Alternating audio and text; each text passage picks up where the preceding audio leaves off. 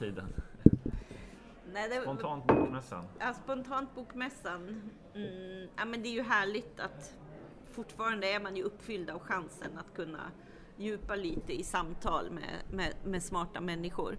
Lite dock eh, unikt för mig. Jag har ju i princip varit här sedan varje bokmässa sedan 1991 Mm. kanske. Eh, och det är första gången jag är monterlös. Mhm. Eh, och det är ju en väldigt speciell känsla att vara eh, så gott som helt fri. Eh, Jag känner mig kastlös, alltså utan monter. Så fort jag ska in så söker de igenom min ryggsäck upp och ner och så frågar de vem jag, vad jag gör här och eh, om jag är journalist. Ja, det är varför har du ingen akkreditering? Ja, jag har bara betalt ett inträde liksom. Eh, ja, extrem. Tredje, tredje klassens medborgare. Men, men, eh, men bra, men en reflektion där. Kan man verkligen, om man nu ska på riktigt tänka säkerhetsmässigt, kan man ta för givet att varenda talare på den här arenan är, Reko. ja, Ja. kan vi utgå ifrån det? Jag tänker, Mm. jag minns ju när jag eh, hade förmånen att ställa ut på Frankfurter bokmässan Mm. och då var ju säkerheten en jättestor fråga Mm. som skilde sig så mot bokmässan som ännu inte hade infört något moment av det här kanske, vad är det här, andra året som det är. Mm. Eh, att man ändå kollar för besökare igenom väskorna. Men det är klart att vi fick ju som utställare också eh, söktes igenom varje dag, men vi hade en specialkö som vi gick igenom. Men här släpps man ju fullständigt förbi. Jag har träffat andra utställare som själva har reflekterat över det. Hur kan man bara ta för givet att jag är reko? Liksom? Mm. Ja, man är screenad på förväg. Jag är inte det. Jag genomgår rigorösa kontroller varje gång jag ska in och ut där. Blir ifrågasatt. Ja. Aldrig, aldrig mer utan monter, känner jag. Nej, men du och jag har ju, eh, på, på, jag var ju här lite före dig, så Mm. du och jag har ju smsat stora planer för nästa år. Men också lite lyxigt att vi kan gå och kolla på lite andra monterlösningar och vad Mm. vore kul att hitta på. Och framförallt var vi vill vara. Mm. Vi är ju lite mittemellan allt på något sätt. Eh, men så planerna för nästa bokmässa är klar. Men vid sidan av det härliga i att träffa en massa människor och också ha chansen att gå och lyssna på seminarier som jag känner att jag behöver för att förstå lite eftervalsanalyser, vad som pågår i, eh, i Ukraina, utvecklingen i Ryssland eh, och också annat som ligger inom det som intresserar en. Det, det är ju ändå eh, väldigt förmånligt. Men det känns som en liten annorlunda bokmässa. Det är absolut inte fyllt överallt. Det är massa tomma montrar. Logistiken lite överallt. De här, eh, vad man nu använder sig för biljettsystem verkar inte funka optimalt. Och igår kväll hade de ju ett nytt koncept som jag tror ska handla om att kanske locka hit alla alla fester på stan ska vara kvar här på något sätt och kanske också locka unga. Det var ju en poddkväll och en liksom bokmässan by night koncept. Men den stora snackisen där var ju alla som, har du biljett? Kom du in? Och, och så vidare liksom. Att det verkade vara lite strul med sånt också. Ja, men det är en mer hierarkisk mässa kanske. Man får känna på det när man inte har monter. De här hierarkierna som finns mellan mest besökare och sen monter, talare och seminarietalare och bokmässan by night, biljetthållare. Att det är som en rysk docka liksom. Ja. Men det, och det är väl lite symptomatiskt för, men det är nog sant. Jag tycker mig ännu mer se de här hierarkierna här. Eh, och det kanske är för att man liksom glider runt mer som besökare och står och, och ser, ser det här spelet emellan. Eh, alltså det, det är ju så inom kultursektorn, men det blev nog ännu tydligare för mig i år. Det måste jag nog ändå säga när man inte bara står i sin skyddade monter och möter besökarna. Så. Jag tänker för skrivdisciplinen är det ju någonstans bra att inte ha en, alltså det är en skillnad, vara på bokmässan med en bok är ju fantastiskt. Alltså möta läsare och få tillfälle att prata om den och allt sånt där. Men också vara på bokmässan utan bok är också någonstans en, eh, ja men jag tror en bra disciplinpiska i, i höstens eh, liksom skrivmörker att säga, nej det vill man inte vara igen. Man vill vara här med en bok. Ja men så känner jag verkligen, ja det är plågsamt men på ett bra sätt. Utan bok, utan monter. bok, utan monter. Knappt Försmäktar jag, knappt insläppt, försmäktar jag på den här mässan som jag älskar. Men kärleken är inte besvarad, kan jag känna. Ja, fast man ser ju folk älskar ju att få syn på dig och komma fram och Ja. småprata. Ja, men skämt åsido, att prata om Cards of Qatar har varit jättefint med massa och dela ut kort och, och ja, berätta om den satsningen och den journalistiken och med två månader kvar till VM nu så finns det ju jättemycket att göra av det materialet också. Men vi blev ju Absolut. nominerade just i torsdags. Ja, superkul! Årets grepp, Tidskriftsgalan. Eh, Och då hade det varit extra kul att vara här. Ja, Ehm, Just därför, det, nu råkade det sammanfalla eh, och så. Men det var ju också hur man kände, attans, man skulle haft monter och vi kunnat eh, lyfta upp det ännu mer. Mm.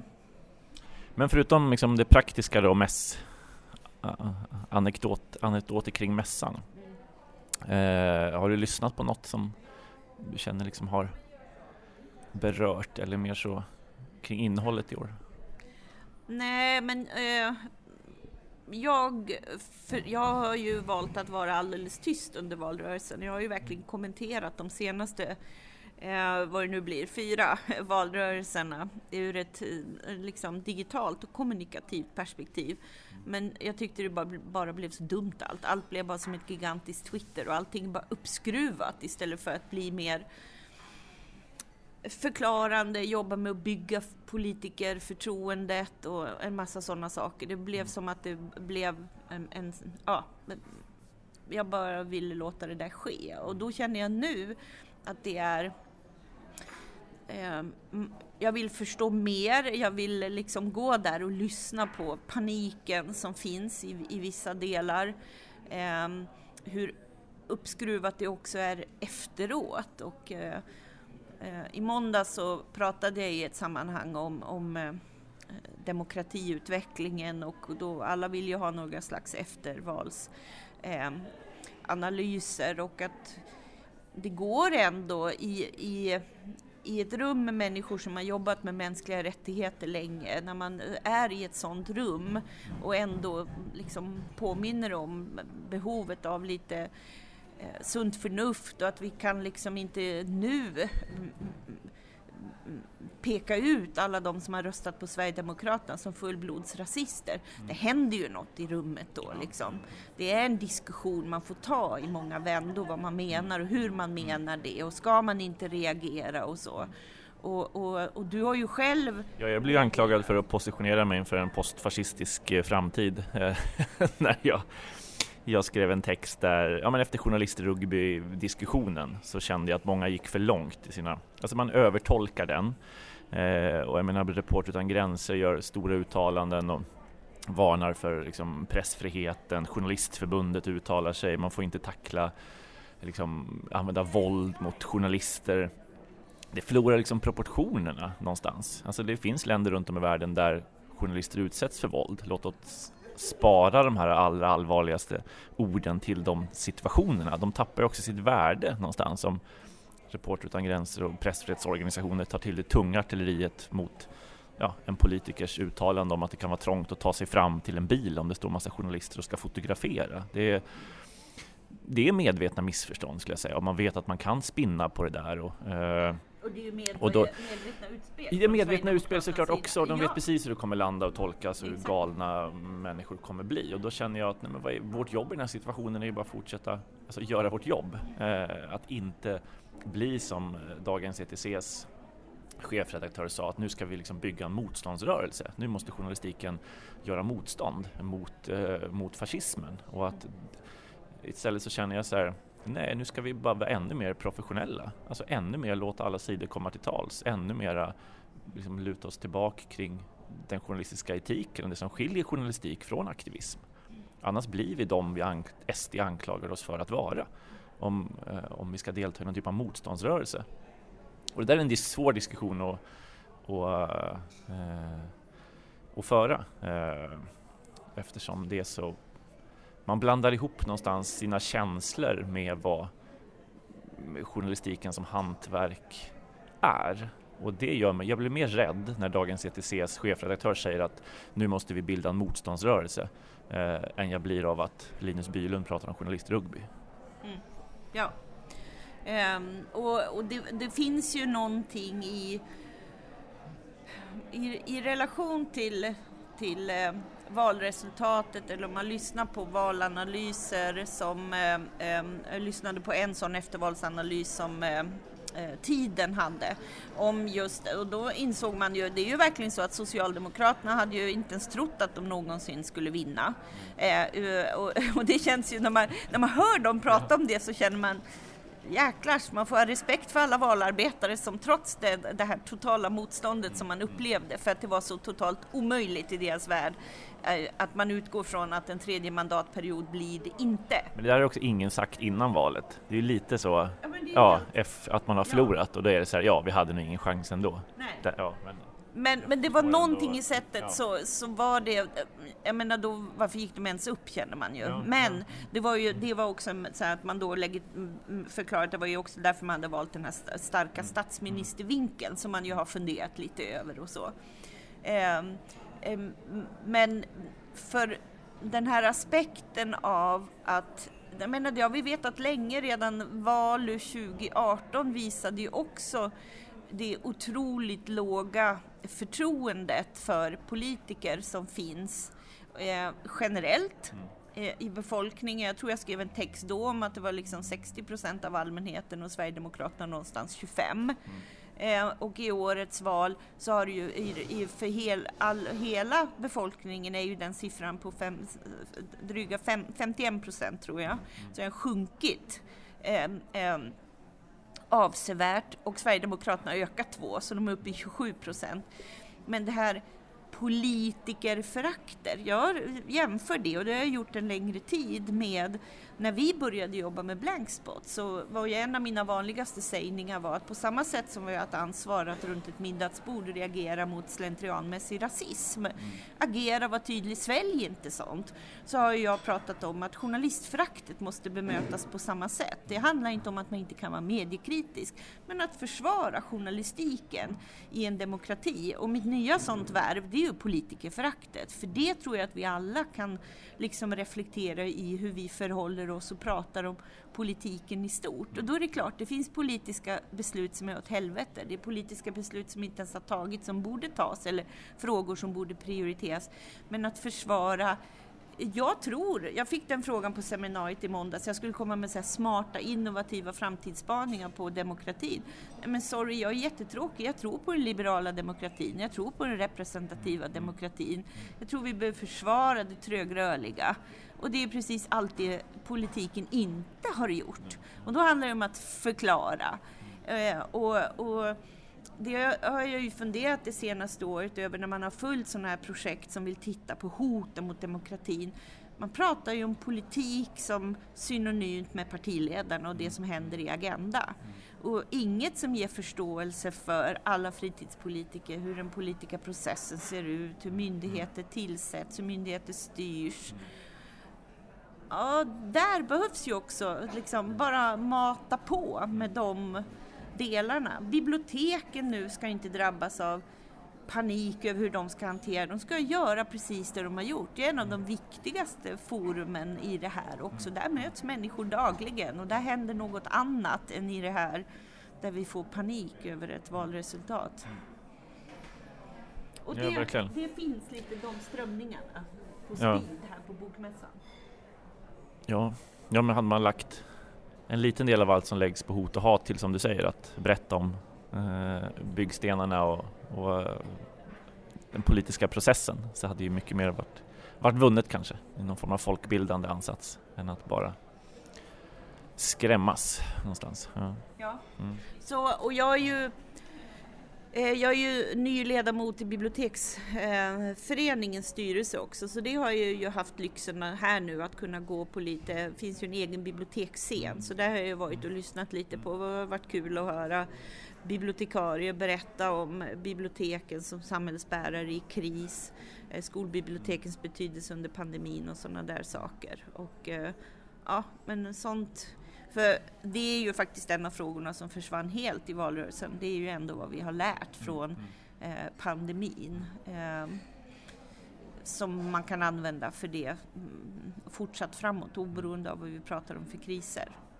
Så det, det, är, det, är, en bra plats för reflektion kring saker som vi liksom inte har hunnit att tänka eh, tillsammans över, tycker jag att Bokmässan har varit under de här tre dagarna. I den här nya rollen att inte ha monter eller egna frågor som jag driver på plats. Nej. Jag ska gå all in i den rollen nu och hitta autografer till barnboksförfattare till dottern. jag ska vara riktig läsare, söka upp dem. Ja, ta selfies med dem och eh, tvinga dem att skriva sina namn i böckerna. Ja. Ja. ja, en av de första böckerna jag köpte är ju en, en fin liten skrift som är gjord av Arena Idé som är ett porträtt av Gösta Westlund som ju blev 107 år. Eh, en eh, sån riktig folkbildningens mm. för, eh, vad säger man, framtidsman tror jag väl till och med att boken hade någon eller häftet en, en, en anknytning till. Men det var, mm. det var, det var härligt att få en, en kort författaren var ju här och gav en kort inblick i, i hans liv. Jag har ju lyssnat under de här åren där jag har bevakat hoten mot demokratin. Mm. Så var ju när han var 104 år så var det en av de mest inspirerande föreläsningarna som jag har hört och det är väl spännande. Mm. Eh, och det är väl det också bokmässan är fylld av, av fantastiska små skrifter och böcker som kanske är svårare att hitta utanför, utifrån sitt vanliga algoritmstyrda flöde mm. av saker. Mm. Ja, verkligen. Eh, tack alla ni som lyssnar på podden. Nu när hösten är igång här med bokmässa och allt så kommer vi komma med en större regelbundenhet eh, framöver. Eh, annars så publicerade vi precis i morse en artikel om att Report utan gränser i Paris har reagerat mot hur Azerbajdzjans ambassadör i Sverige trakasserar Rasmus Kahnbeck som ju skriver mycket för Blankspot om regionen och Nagorno-Karabach. Eh, det har gått så pass långt att de kräver nu att Ann Linde måste agera för att sätta stopp för de här trakasserierna. Svaret har blivit, som ju Rasmus också sa till mig i morse när jag intervjuade honom, så här, vad tror han blir effekten av det här uttalandet? Att Azerbajdzjan kommer eskalera. Och nu så upp, kritiserar Azerbajdzjans ambassadör oss i morse för att radikalisera den liksom armeniska eh, diasporan eh, och säger att det kommer vara demonstrationer utanför deras ambassad idag då, som Blankspot skulle ha drivit fram på något sätt. Eh, man kan skratta åt det, men det finns ju något allvarligt. Det, I förlängningen ligger ju att Blankspot kan komma att terroristklassas av Azerbajdzjan. Eh, vad, vad får det för eh, effekter?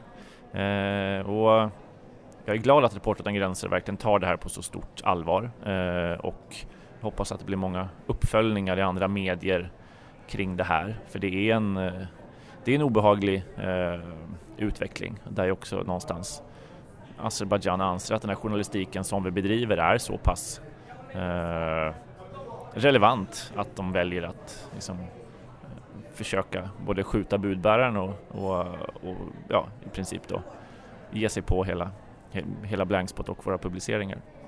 Så det ska vi försöka hålla lite ögonen på.